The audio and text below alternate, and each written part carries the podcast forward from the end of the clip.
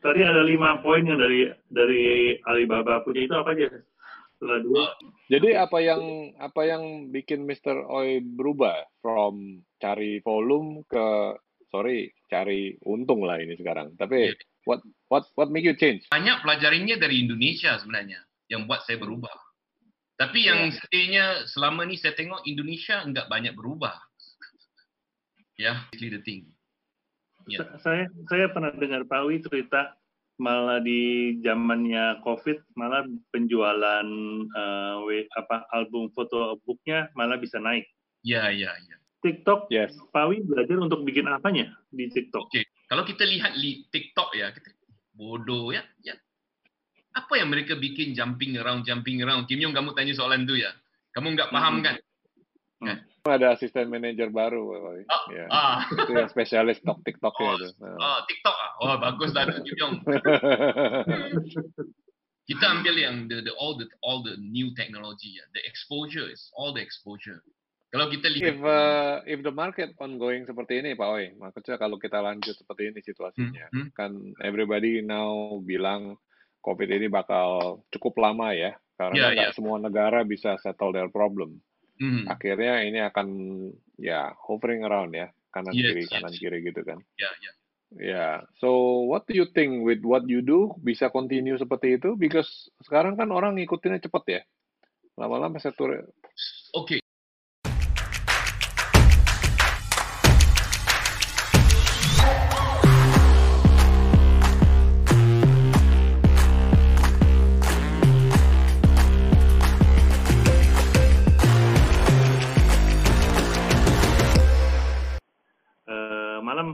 Aryan, malam Yo, Pak malam. Ya, malam malam. Hari ini, hari ini tanggal eh, tanggal berapa? sih? Tanggal 6 ya?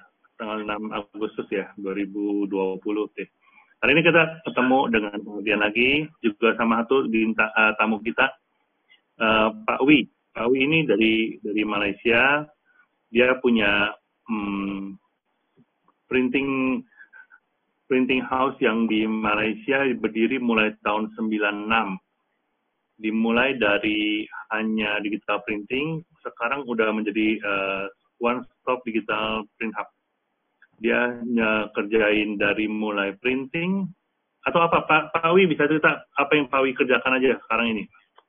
Sekarang ya uh, nama company saya dot to dot ya. Kalau di Malaysia Malaysia sini kan uh, company kita lebih unik sebab is a one stop ya, one stop digital print hub ya. Kita Hmm. bermula dari kerja besi, kerja Hmm. kayu, event, signage, billboard, projects kondo ya. ya.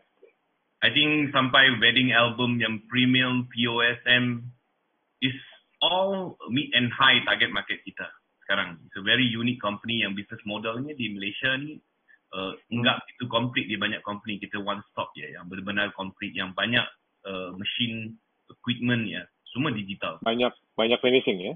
Ya banyak finishing, digital cutting, printingnya semua digital ya. Kita enggak main offset. Kita enggak main offset. Dan, dan itu semua tidak outsource ya, kerja sendiri semua. kita, kita, kita semua nggak outsource sampai even even uh, pemikiran kita lain kita sebab kita pikirnya kita kita seperti kita juga ada produce gift sendiri ya kita nggak percaya yang uh, we need to rely on apa ni China untuk produk-produk gift kita nggak mau supply. Ya. Kita custom made semua custom made very unique product. Jadi ada high value nya kalau tidak very competitive ya. Everyday mau buang harga buang harga gitu pening ya. Nggak bisa.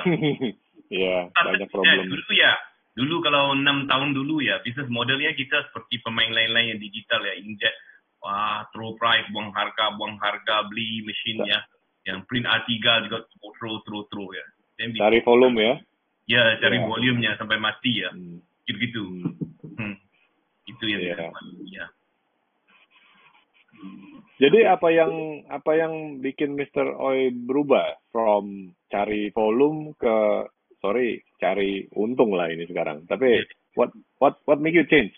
Karena Sebenarnya pasti itu drastis ya. Ya, ya. Se- sebenarnya saya ini ini bukan hanya bisnis saya. Saya pun dalam bisnis kafe, makanan, ya dan lain-lain juga. Jadi yang saya pelajari, uh, saya mula pulang ke factory saya sekarang ya dalam enam tahun lepas ya, ya. Sebab saya banyak pelajarinya dari business franchise and add value. Bila saya pulang, saya lihat, ya, saya banyak pelajarinya dari Indonesia sebenarnya. So, kawan saya di Jakarta banyak saya visit ya, banyak. Uh, Yeah. Kalau di dibilangnya digital print ya, Indonesia lebih advance daripada Malaysia dalam 7-8 tahun. Ya, ya saya kaget bila saya lihat di, di Indonesia. Kan? Wah, surprise lah to me. Saya surprise. Masa tu, actually remember, saya mula masuk Indonesia dalam tahun 2001.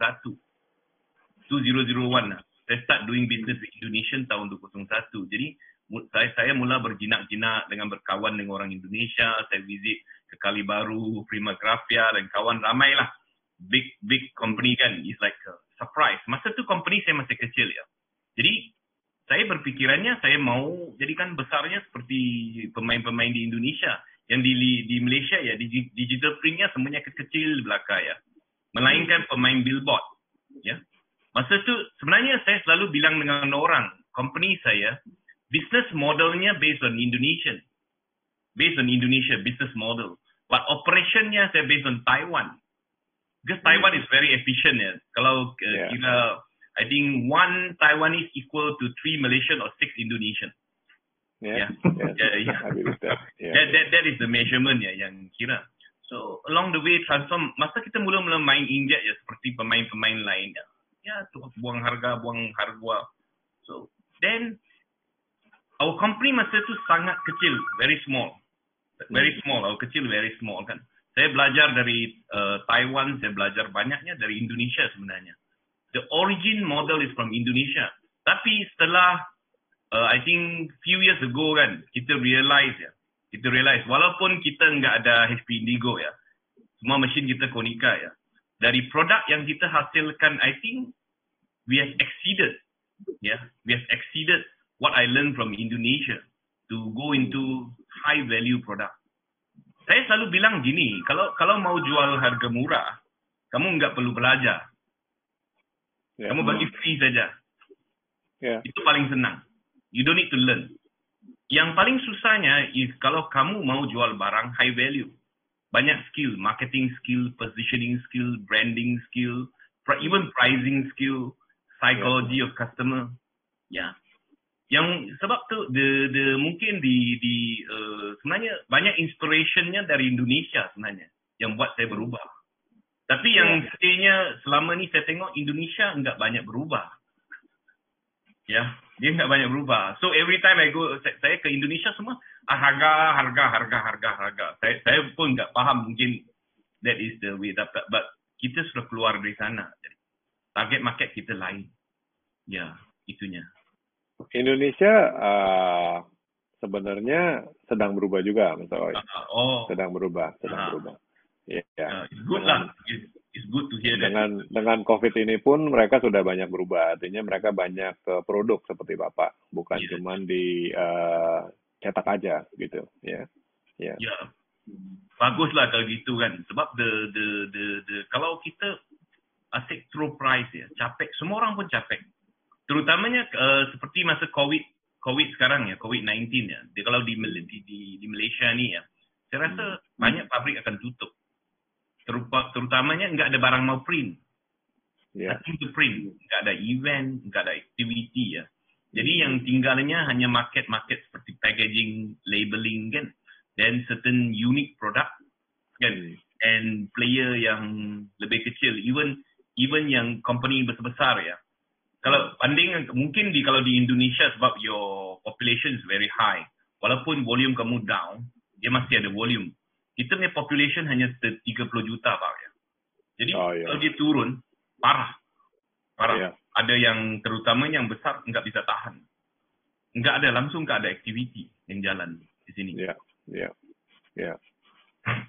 Indonesia masih ketolong dengan populasi ya. Jadi Populasi kita kalau Ya, bikin bikin label aja banyak ya. yes. Masak di Walaupun rumah, walaupun ah, dia dia masak masak di rumah aja jualan makanannya banyak gitu. Ya. Ya. ya, Hmm. ya. Semua sudah berubah, berubah lah. It's because of uh, sebab COVID-19 ni ya. COVID-19 ni um, yang kita lihat di sini sekarang ya, it's quite tough uh, perubahan market tu ya. Sebab barangnya sekarang semua sudah masuk ke e-commerce. Ya, Hmm. masuk ke online. Banyak yang masuk ke online.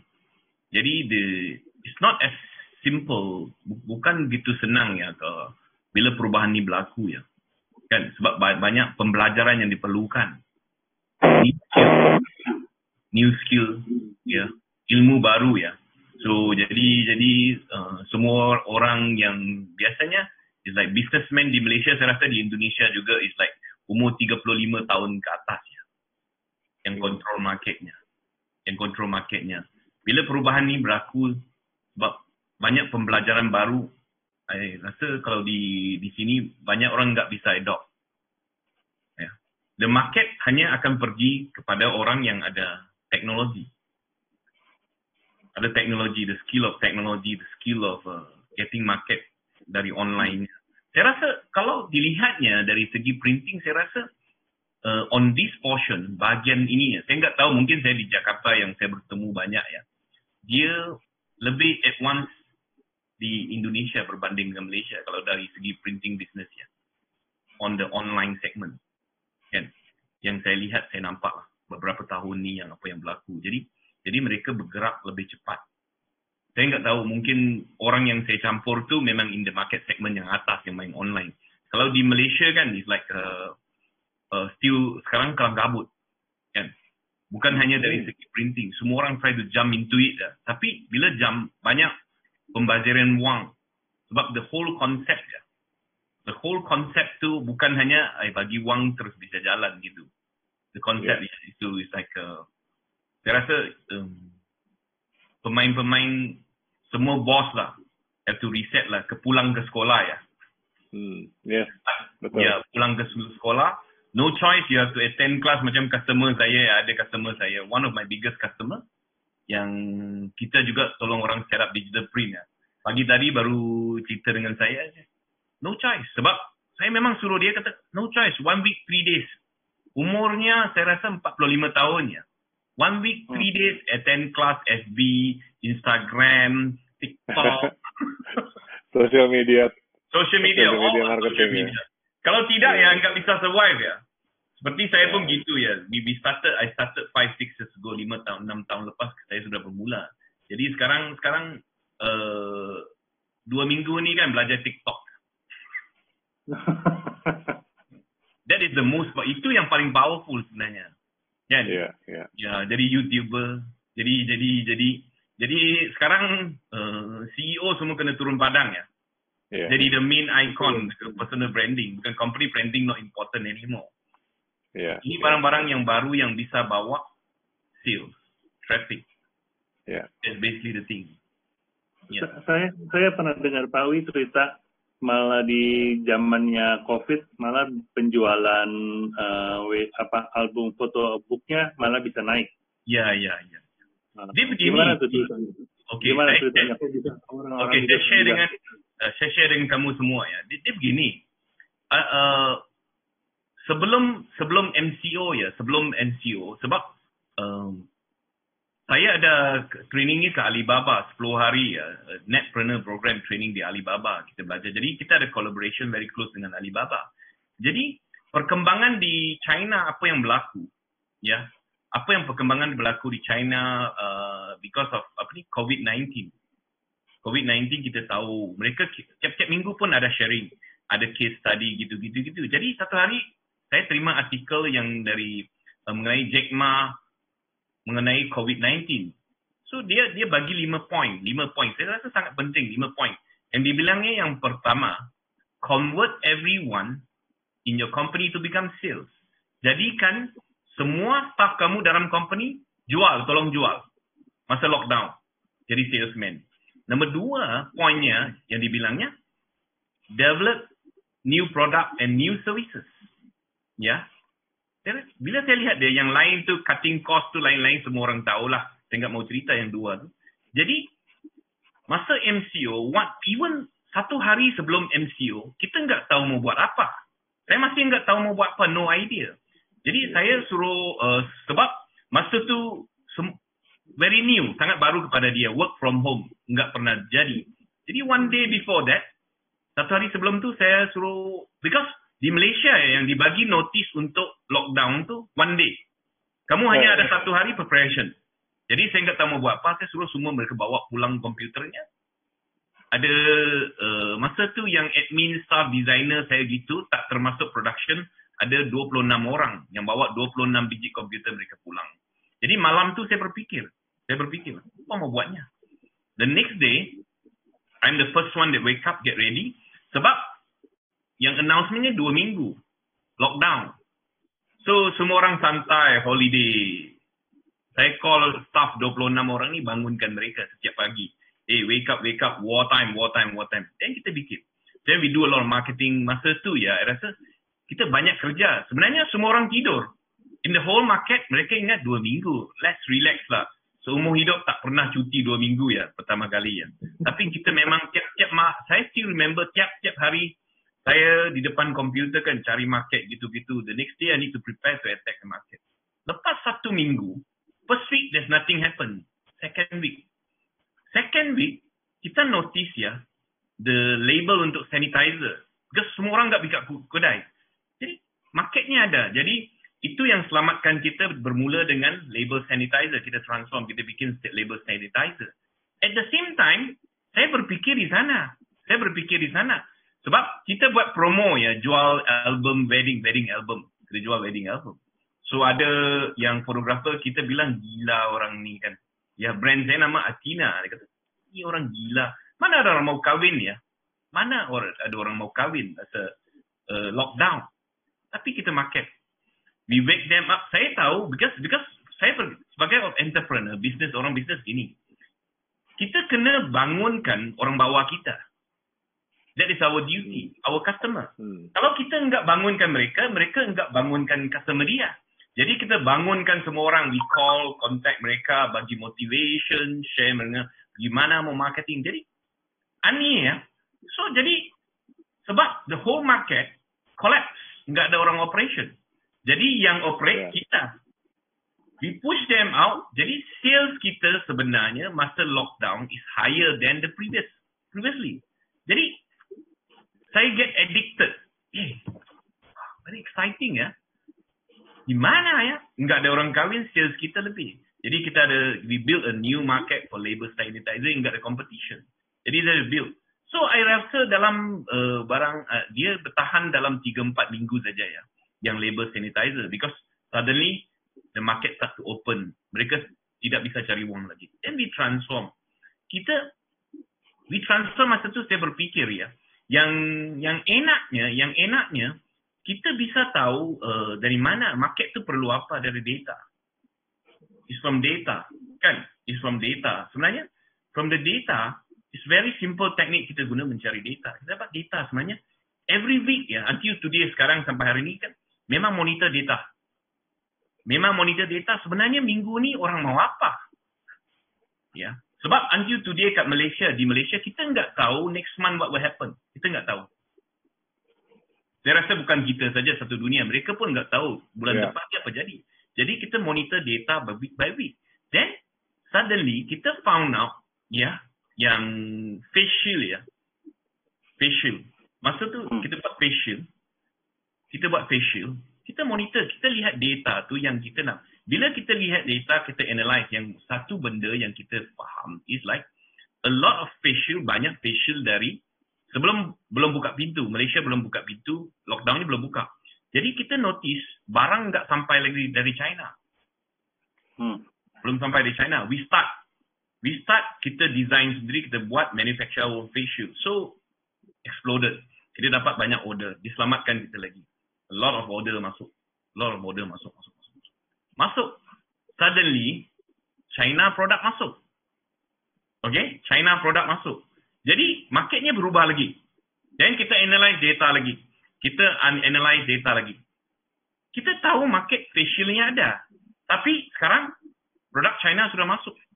Jadi kita jual mahal. China produk sangat murah. Dalam mungkin uh, 7,000 ya. 7,000, 10,000, 15,000 gitu. Paling paling-paling 15,000. Kita jual kita Indo- jual Indonesia sekarang 5.000 Pak. 5,000 ya. Kita sampai hari ini kita jual Kita jual harganya berapa ya? RM9.80 dalam uh, RM35,000. Ha? RM25,000. 30,000 sampai hari ini kita masih jual harga tu. Kita jual. Jadi then we learn about marketplace, bagaimana marketingnya. Jadi kalau kita di Shopee ya, kalau di Shopee masa tu kita berubah. The from the data we read, we read eh, ada satu market yang enggak ada orang touch. But how long how long have you been in the Shopee market? How long have you been marketing in there? Okay. Saya enggak pandai, Pak. Ah, I only good in Facebook. Dari Facebook, IG saya faham. Yang marketplace saya enggak faham. I totally enggak faham. Then I did a test. Yang so pertama kali you I- only started it during COVID, masuk ke Shopee dan all this. after after lockdown. Oh really? Wow. After lockdown. After lockdown. Yeah, Sebab saya guna experience saya di FB, saya masuk ke Shopee, saya test lebih senang. Yeah. Saya test Ah. test. Then saya mula faham sebab the the masa web uh, masa MCO tu banyak webinar yang saya attend. Saya juga sharing, saya Ah, juga okay. belajar banyak benda. Yeah. Then I start to use the experience. Saya start the Shopee. Saya start to Shopee, I test. I test. Ya. Test, test, test. To your surprise ya. To your surprise ya. Kita ya jual harga kita jual ya. It's three, four times it become a case study sekarang ya. Yang kita harga kita jual three, four times of the market value. But kalau di Shopee ya, kita number one dalam masa sebulan. We Hmm. hit, we break the record. Ya. Jadi jadi is proven, is proven ya. Sebab kita sudah biasa jual, memang jual high value. We learn, we use our skill of selling high. Bukan jual yang harga murah-murah gitu Shopee, no. Our price is high. And yet, volume kita number one di Shopee. Kalau jual facial. That is the thing. We are very happy. Then data keep on changing, Yeah. keep on changing. Then packaging, even the packaging requirement setiap minggu orang permintaan packagingnya, packagingnya scope-nya very wide. Setiap minggu berlainan. Jadi we still monitor. We still monitor. Kita kena analyze ya. Kita sekarang kita kena. Yang enaknya dari dari kalau dari online ya, you you nggak perlu sebenarnya bagi saya kita businessman ya. I notice something yang I pelajari is like the uh, the best time to do business is now. Because ya, Hmm. kalau orang business hanya ada business sense, dia nggak bisa survive pak. Business sense is not good enough, you cannot survive. Kalau orang ada yang technology sense, also nggak bisa survive. Hmm. Kamu perlu both. Because, ya, even though simple data will determine kamu punya sales. Kamu kena tahu sebab the computer won't lie. Dia akan beritahu kamu data. Sebenarnya minggu ni apa ya? Kalau kamu tahu cara teknik simple, you can know the data. Apa yang mereka perlukan. Jadi kamu custom made. Sekarang kamu lihat market tu ya. It's not based on yang saya lihat market tu is based on. It's not based on. Oh kamu rasa apa yang kamu mau jual. Kamu rasa apa market itu perlu. Kamu kena be sure apa sebenarnya market itu perlu masa itu. There's no way kamu boleh rasa. It's only based on data.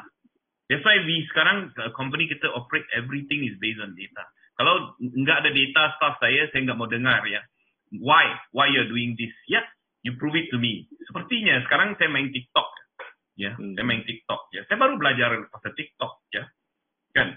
Belajar YouTube, main TikTok. I attend class of become a KOL. Ya. Ya. Oh ya? Yes. Ada ya? Ya, have to attend. Kamu sebab kalau kamu nggak paham, I don't think so you can survive. Ya. The younger yang bawah tu semua naik. Ya. I don't know. My personal feeling even uh, few few very uh, ada juga kawan ya, nggak banyak ya. Ada one of the very famous speaker. Dia juga sudah main 7 8 tahun ya. Ya. Age lebih kurang lah. Saya tahun ni 52 tahun ya. So, dia juga bilang, you don't have choice. Hands on pulang ke sekolah. Ya. You are always the oldest in the class. Kamu yang paling tuanya dalam kelas. Dia saya ke- kelas KOL saya paling tua.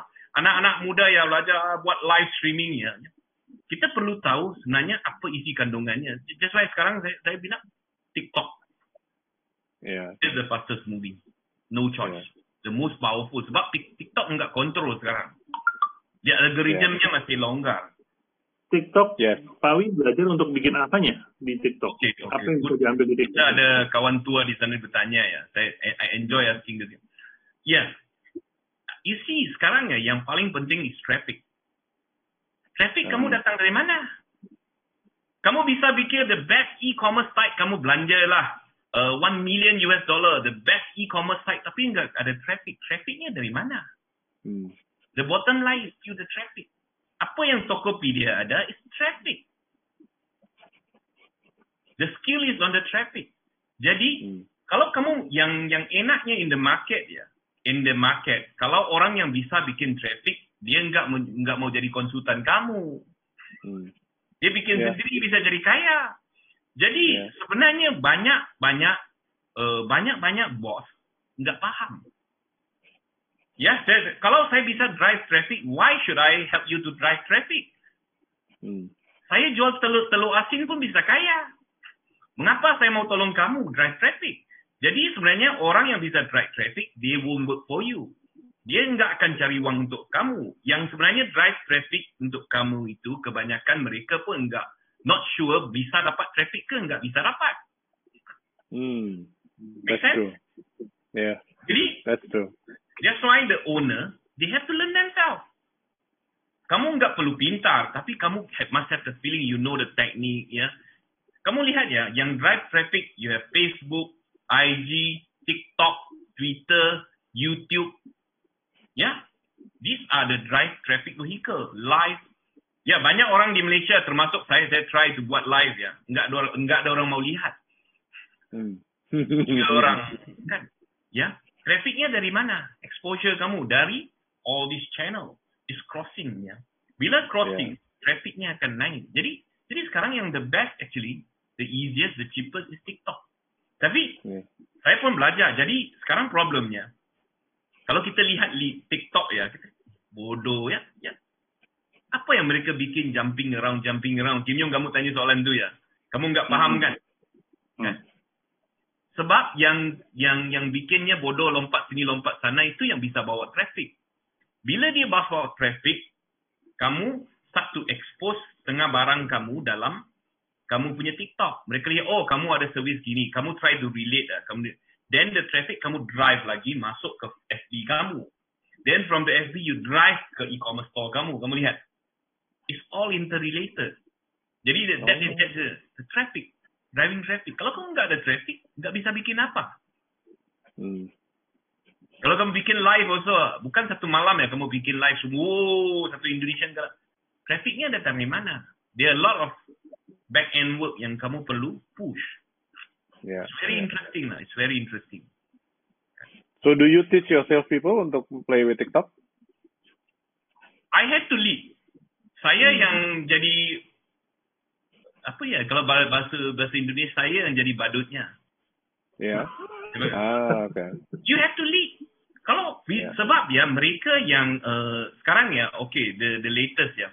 The latest ya. Kamu tunggu result saya ya sebab baru start ya. Kamu tunggu result saya. ya. Hmm. Sekarang saya cari uh, sekarang kan orang anak uh, kawan-kawan anak saya nggak bisa pulang ke universiti ya. Hmm. Ya. Mereka nggak bisa pulang ke universiti gitu ya. Saya panggil mereka kerja untuk saya. Mereka mere- mereka sebenarnya tolongnya saya buat facial ya. So, sekarang facial sudah kurang slow down ya. So, mereka tak angka angka, I still need a job ya. Kamu bagi saya kerja. Saya fikir-fikir satu cara yang yang itu anak-anak muda yang main FB, main TikTok ada satu ni memang expert main TikTok. Ya. Hari ini kita baru meeting dengan dia. I I I quite confident he will generate good result kita kena guna anak-anak muda gini. Kita nggak paham. Yeah. Mereka tahu, kamu tanya ya, mereka seperti di universiti sudah graduate, mereka bisa tahu angka no problem lah, I can get traffic from you lah, no problem, I tunjuk dia ya. Kita yang nggak paham, bukan mereka nggak paham. We have to. Kita kena bercampur dengan yang muda-muda ya. I think lagi muda lagi bagus lah. Sebab semua teknologinya di tangan mereka. Kita nggak paham, kita nggak Jadi, paham. so during this COVID artinya you are growing dari market yang sorry younger crowd, yang not the old printing crowd ya. Betul ya? Because the the sekarang yang sebenarnya yang old tu, saya bagi Ah. kamu contoh. Sekarang yang yang ada bisnes atau atau yang old ada bisnes. Ya, Market ya. segmentnya sebenarnya yang very active ya. Yang very active is from 25 to 35. Ya. It's very active. Sebab yang sudah tentu yang ada wang masih di atas gitu-gitu. Tapi pergerakannya sangat lambat. Mereka still belajar gimana ya mau spend money. Sekarang yang bisnes yang bagus semua is below 25. Not effective. Dia do e-commerce kah, dia do tak tahu apa dia buat lah. Dia jual dia jual apa pun bisa jadi. Yeah, jual yeah. ikan jadi, jual sayur jadi. Jadi, they are not affected. Yang affected is the 40s. Jadi mereka pull handbrake. The market is not moving. Yeah, the manufacturing, dada Yeah. itu pada berhenti semua. Ya, ah, tapi yang semua digaru. Yang aktifnya Yeah. di mana? Yang aktifnya yang bikin eBay export gini mereka perlukan Yeah. packaging mereka. So- SME lah ya. Ah, SME yang jual makanan gitu-gitu. Walaupun brand besar dalam di Malaysia kalau brand besar, yang brand besar dalam bisnes FMCG, graf also turun. Yes. Because the small is eating the big. Yang besar, sekarang yang besar nggak penting lagi ya. Yang bahaya yang kecil-kecil ikan ni naik. The graph is going is like, uh, kamu lihat yang kecil-kecil ya, yang yang pintar main e-commerce ya. During the lockdown, especially in Malaysia ya, bisnes mereka three fold, four fold, tiga empat kali naik ya. Jadi Hmm. kita nggak bisa nggak bisa paham. Kamu Hmm. bilang nggak ada bisnes, bisnes mereka bukan increase by 10-20%, 200%, 300%, ada yang 500%. Gimana? Wow. Jadi the, the, the, all the e-commerce yang related to e-commerce, they start to rent big factory gudang yang besar, mau simpan barang, enggak. It's transforming. It's, actually, it's a, I would say, it's a cleaning up. Hmm. It's a cleaning up. Satu Changing dunia. of the dah- guard ya. Yes, it's cleaning Changing up. of the guard. Ya. Ah, changing of the guard. Kalau kalau kalau kita nggak bercampur dengan mereka, kita nggak belajar dari mereka, siapa mau kita belajar dengan siapa? Ya. The blind guide the blind ya. Seperti kalau saya belajar dengan Kim Yong, Kim Yong dan belajar saya. Apa yang mau belajar the old way. Kita guna cara lama, expect new result. Kim Yong ada asisten manager baru. Ah, Ya. ah. Itu yang spesialis tok TikToknya Oh, itu. Ah. oh, TikTok ah. Oh, bagus lah Kim Yong. Kita ambil yang the, the all the new technology ya, the exposure, is all the exposure. Kalau kita lihat di TikTok ya sangat aneh lah. Saya pun nggak paham sebenarnya ya. Kena belajar. Ya. ya. You have to watch. Eh, sorry, sorry. Tadi ada lima poin yang dari dari Alibaba punya itu apa aja? Setelah dua, Oh, tiga, okay. empat ini Dia- apa? Dia yang pertama, convert everyone to become sales. Sebab ya, saya beritahu kamu ya. I, I, saya saya nggak tahu di Indonesia ya, the situation gimana. Sebab kamu nggak ada lockdown. Sebab company, when your sales drop, okay, when your sales drop, kebanyakan yang company-company besar, the first action the CEO take is what? Buang orang, betul. Pancung. Cut cost. Ya.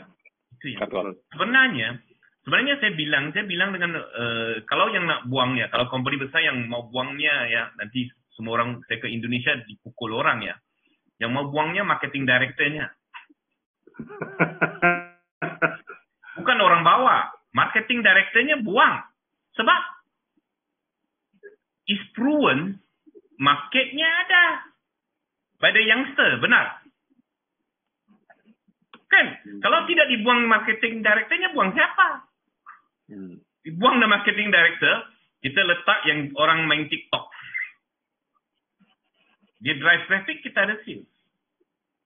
You, you, you, you see the you, you see the concept tak? Saya lihat gitu. Jadi jadi saya sekarang kalau kalau di company saya umurnya 30 tahun saya bilang semua orang tahu ya orang tua. Saya tahu saya orang tua sebab kita cuba highlight ke mereka it's like the 30 tahun sudah start to outdate tau. Kena belajar Ya. yang baru. Kalau tidak nggak bisa. Nggak bisa ikut. It's, it's, it's, very interesting the market transform kan. You know, saya bisnes gitu lama ya, tak pernah jumpa case seperti ini. Very excited. Tapi if uh, if the market ongoing seperti ini Pak Oi, maksudnya kalau kita lanjut seperti ini situasinya, Hmm, hmm. kan everybody now bilang COVID ini bakal cukup lama ya, karena nggak ya. semua negara bisa settle their problem. Hmm. Akhirnya ini akan ya hovering around ya, kanan Yes, kiri yes. kanan kiri gitu kan. Ya, ya. Ya, so what do you think with what you do bisa continue seperti itu? Because sekarang kan orang ngikutinnya cepet ya, lama-lama satu Okay. Like you said, market facial cuma satu minggu ya tadi, satu bulan ya, Atau Satu bulan. minggu, satu, bulan. ya, iya. Ya. Do do I have choice? I don't know. Yeah. I don't have choice. Se- Sebenarnya the the the because uh, you, you baru saya bilang dengan sebab ada pertanyaan dari staff saya. Ada pertanyaan dari, dari staff saya. Uh, kenapa mau guna TikTok ya? Mau gini gini gini. Saya Yeah. kata actually we we have to go deep Hmm. to study the behavioral manusia punya behavioral. Ya. Kalau by 9 o'clock kita sudah gerak ya. Pak Andre, kamu biasa dengan TikTok Pak? Hmm. Biasa main TikTok. Enggak. Enggak pernah. Oke, malam nih ya sebelum tidur ya. Kamu spend ya TikTok itu ya. Uh, kamu kamu mau tahu ya efeknya ya. Kamu start with 10 minutes. Kamu lihat Hmm. 10 minutes. 10 minutes ya, jangan kurang dari 10 minutes lah. Kamu akan kamu cuba after 10 minutes ya, kamu cuba uh, feel ya, apa feel-nya. Then you know the power. Sebab kita ingat ya, uh, it's all about dancing kan, kalau TikTok gini, gini, gini, gini. No. After 10 minutes ya, actually the, the kita tak- ada choice. Like uh, there will be a lot of thing changing dari segi marketingnya. Banyak benda yang akan berubah sangat laju. Kalau kamu tanya saya, kalau kamu tanya saya, uh, what will happen in three months time, two months time, saya nggak tahu. Ya, saya pernah tanya ke Vice President Alibaba, what will happen in two years time? The answernya simple, I don't know. Hmm. How I know? Because 5G is coming bilangnya. 5G is coming by the end of the year. I don't know. Because sebenarnya kita nggak tahu. But the beauty is, the beauty is the data. Kita nggak ada uang banyak-banyak seperti company besar ya, bisa bisa beli data di cloud enggak. Tapi we still can use the small data to analyze the market to jump. No choice, dia, dia asyik berubah ya. Sebab kita pun nggak tahu by early of the year when when the temperature drop. Ya. Yang COVID-19 ni will explode another time or not. But we are getting prepared lah. Getting prepared. The to simplify the thing kan, apa yang jadi in future, kan? For sure, kalau kamu nggak prepare on online, you can never survive. I bagi contoh ya Pak. Hmm. Until today Indonesia there's no lockdown, betul tak? Ya, for Hmm. political reason like Malaysia. What happened? ah? What happened? What happened if it really locked down? Hmm, might not. Jadi gini, uh, the way I see it, Hmm. the world have to survive either one. Yeah. Survive with COVID atau survive without traveling. Yeah. Yeah. So, but human has so interconnected, like you said. Yeah. Maybe not traveling is super difficult. Super, super difficult. Karena it will move us back to the stone age ya. Gitu. Yes. Zaman batu lagi kalau nggak ada traveling. Hmm. Jadi tiba-tiba like gak bisa engineer moving around, designer moving around, ya, supplier moving around. So itu sulit sekali gitu. So ini yang uh, so dunia harus berhadapan dengan COVID live on. Cuman getting the habit seperti MCO itu create habit ya di Malaysia I think. And then that habit uh, hopefully stay. hopefully stay. Even the record is low, hopefully it stay. Itu very important. Itu yang tadi saya share sama Kim Yong. Nah ini yang lockdown itu sebenarnya hanya untuk shock the market, shock Yeah. shock the people gitu. di, Bahwa di yang yang kalau kalau kalau saya my yang saya lihat lah ya let's say I give you example lah today the listen story assuming lah assuming assuming ya it might not happen lah. I, I don't think so dia akan terjadi di Indonesia because the country is too big ya, for lockdown kan. Dia punya ekonomi uh, and problem besar sangat ya. Kan? Kalau kita I, I think we have to imagine lah. Kita have to imagine. Sebenarnya jawapannya sudah. Let's say another lockdown. Let's say there's a lockdown in Indonesia ya. Everything is going to be based on online. Kita sudah lalu gitu. Jadi kita jangan tunggu sampai lockdown in the actual fact it's a signal that you have to transform hmm, you have to transform. Is like Malaysia lah sekarang kelang kabut ya. Ya, semua orang pun oh e-commerce, wang tapi nggak bisa jalan tak. It's not as simple as just buka satu e-commerce store ya, yang yang yang Yeah. itu jadi kan.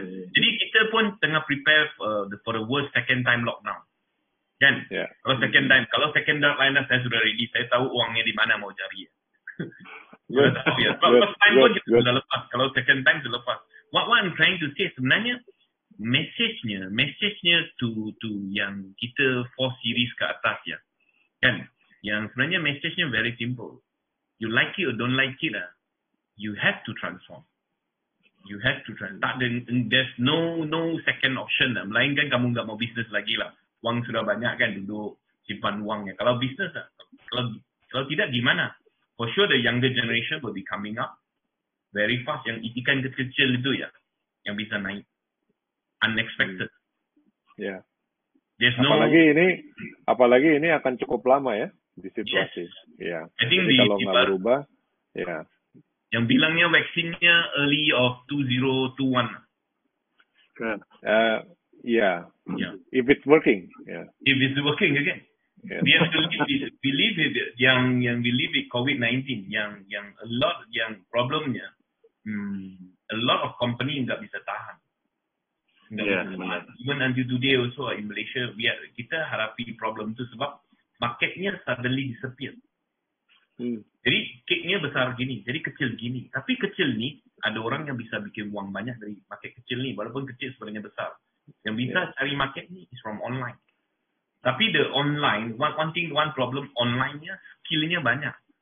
Nampak enggak ada barang, tapi sebenarnya insight-nya very deep. You know, very Jadi deep. kalau kalau kita recap pengalaman Mr. Oi di sini uh, during COVID, uh, create product, test the market, get the data, and market it more, betul ya? Kalau ikut, Kedua- kita lupa cakap tadi, Kim tanya lima kan. Ah. Convert everyone to sales. This is by Jack Ma lah. Enggak, Yeah. bukan saya from me. Hmm. Convert everyone to sales. Sebab kerja dalam company kamu, accountant pun sudah kurang kerja, admin pun sudah Hmm. kerja. Jadi kan mereka sales, cari sales. Ya pakai semua pakai social media lah, nggak perlu kelup pintu lah. Okay. Hmm. Dua, develop new product, new services. What's the meaning of develop new product, new services? Kalau market itu enggak perlukan inject, enggak perlu kamu print banner. Mengapa kamu mau cari market banner? Kamu kena using the same equipment yang kamu ada, develop produk yang apa market perlukan. Why new product, new services. So yang uh, kalau company besar cross inter-department, ya ini bilangnya Jack Ma. Maksudnya kamu kena berkenalan, accountant kena ikut salesman keluar. Kamu pelajari, oh ini salesman susah ya. Kan mereka mau handle customer. Then cut cost. Nombor empat, nombor satu lagi saya nggak ingat lah. It's a common sense lah yang ah, increase productivity. Sebenarnya enak pak ya, enak ya. Kalau company saya, company saya saya bilang pak ya, company saya uh, during the MCO ya, kita sebenarnya kita nggak buang pekerja. We don't do retrenchment, ya. Melainkan kontrak pekerja yang ada dua tiga orang tu ya, ya dua tiga orang tu yang memang kontrak pekerja mereka non perform baru kerja satu bulan kita tak renew kontrak. Other than that we keep. Yang kita nampak ya satu benda ya, ya uh, not all department, especially di saya bilangnya yang related to online ya, kan online product gitu ya. The efficiency increase. The efficiency increase. Sebab everyone is alert, efficiency increase, productivity naik, productivity naik tanpa perlu menambahkan pekerja, enggak enggak ada orang berani tambah pekerja mah. Am I right? In the current issue. That's the five Yeah. points kan. Tapi bagi saya yang paling penting ya, the first two. Sales. Kalau kamu enggak berubah, kamu enggak go into the new market segment, kamu enggak bisa survive. Macam mana kamu mau tahu where is the market? It's based on your data. Jadi you combine data ni, data ni, you have to do a lot of work. Dia data ni kan, datanya is not only data of uh, the leads, orang yang perlu apa yang mereka mau beli. Data dari seginya, because data yang masuk ya, katakan dia dia trafficnya ada beberapa jenis. Ada yang masuk melalui e-commerce mereka straight away purchase. Tapi kebanyakan yang masuknya is still via your WhatsApp, your messenger. Ya. Hmm. Kamu kena analyze data tu bagaimana mau buat closing. So it's still based on data. yang closing teknik closing ni sebenarnya yang susahnya uh, orang kamu sebab ya teknik closing on on application ya di WhatsApp dengan teknik closing di face to face totally different. Kamu nggak bisa Hmm. see face to face.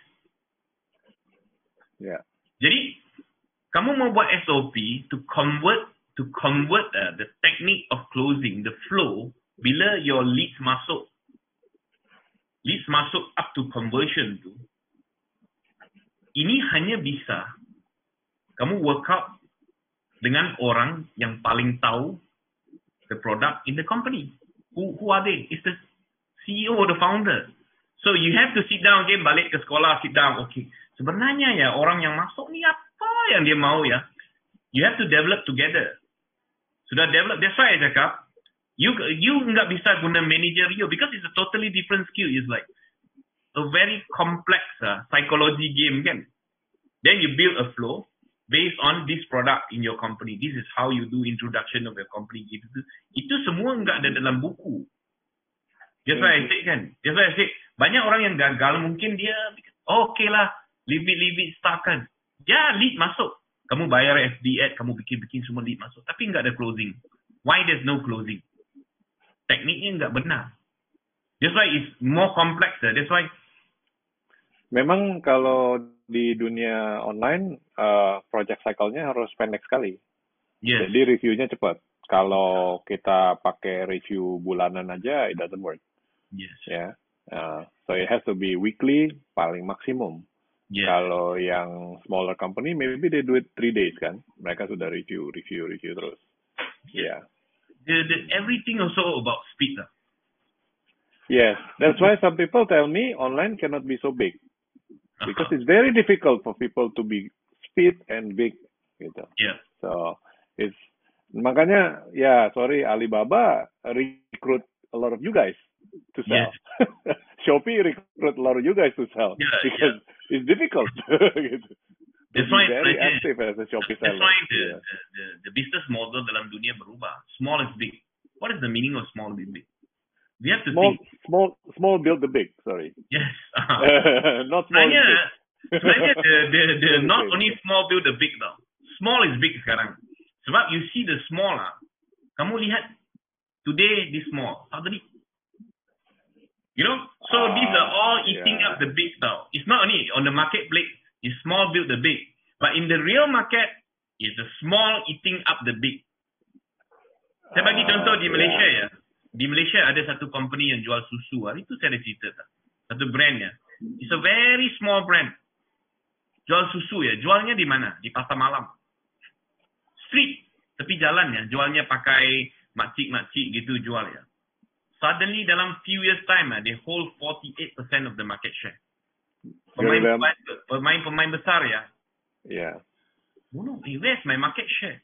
guerrilla Then marketing itu. Hmm. Marketingnya hanya melalui orang-orang kampung. Iya. iya. 48% of the market share susu ya. Pemain besar kalah. Legend.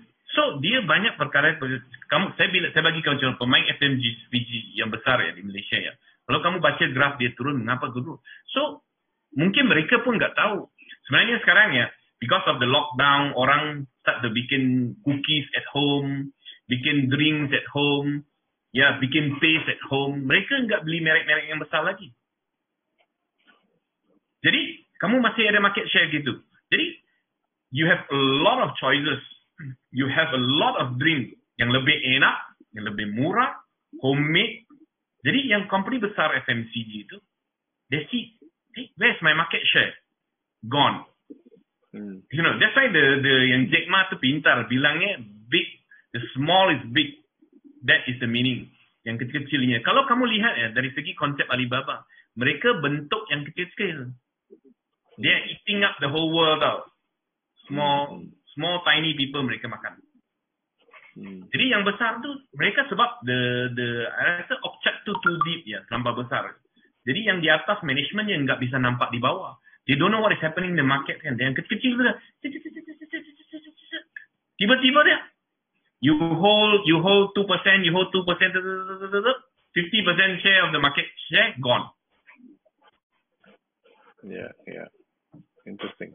Very interesting. Interesting, interesting. Yeah. Kan? Okay. Wow, a lot of a lot of information tonight, Pak Kim Yong. Ya. Oke, mungkin waktunya cukup. Eh, saya closing sedikit ya.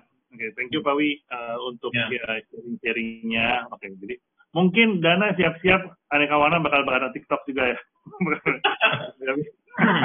ya, saya saya harap ya kita bertiga we, we become the key key person in TikTok ya. No choice. Eh, Personal brand. banyak yang harus banyak yang harus berubah. eh, no choice. eh, em, perubahan apa? COVID akan merubah banyak kalau kita tetap eh, tidak mau berubah dengan cara yang baru. eh, pasti tidak bisa ket- ketinggalan lah. Mungkin eh, dari Pak Hadian ada ya eh, closing statement Pak Hadian? Ya, kalau yang saya dengar hari ini, basically keep going, keep moving, uh, keep trying, new product sales, ya, new marketing sales, guerrilla marketing works. Jadi ya bukan TikTok, ya COVID, you should just work ya, jangan relax kayak yang lain. Maksudnya Ah, benar. try to work, uh, market still there, ya, stay positive, dan hopefully get the 500% kayak Pak Oi bilang. Ya, ya, we are looking into that. Ya. Okay. Okay. Eh, thank you, thank you Pak Wi, thank you Pak Hadian. Thank you, thank you. Okay, bye. Good night. Good night. Okay, okay.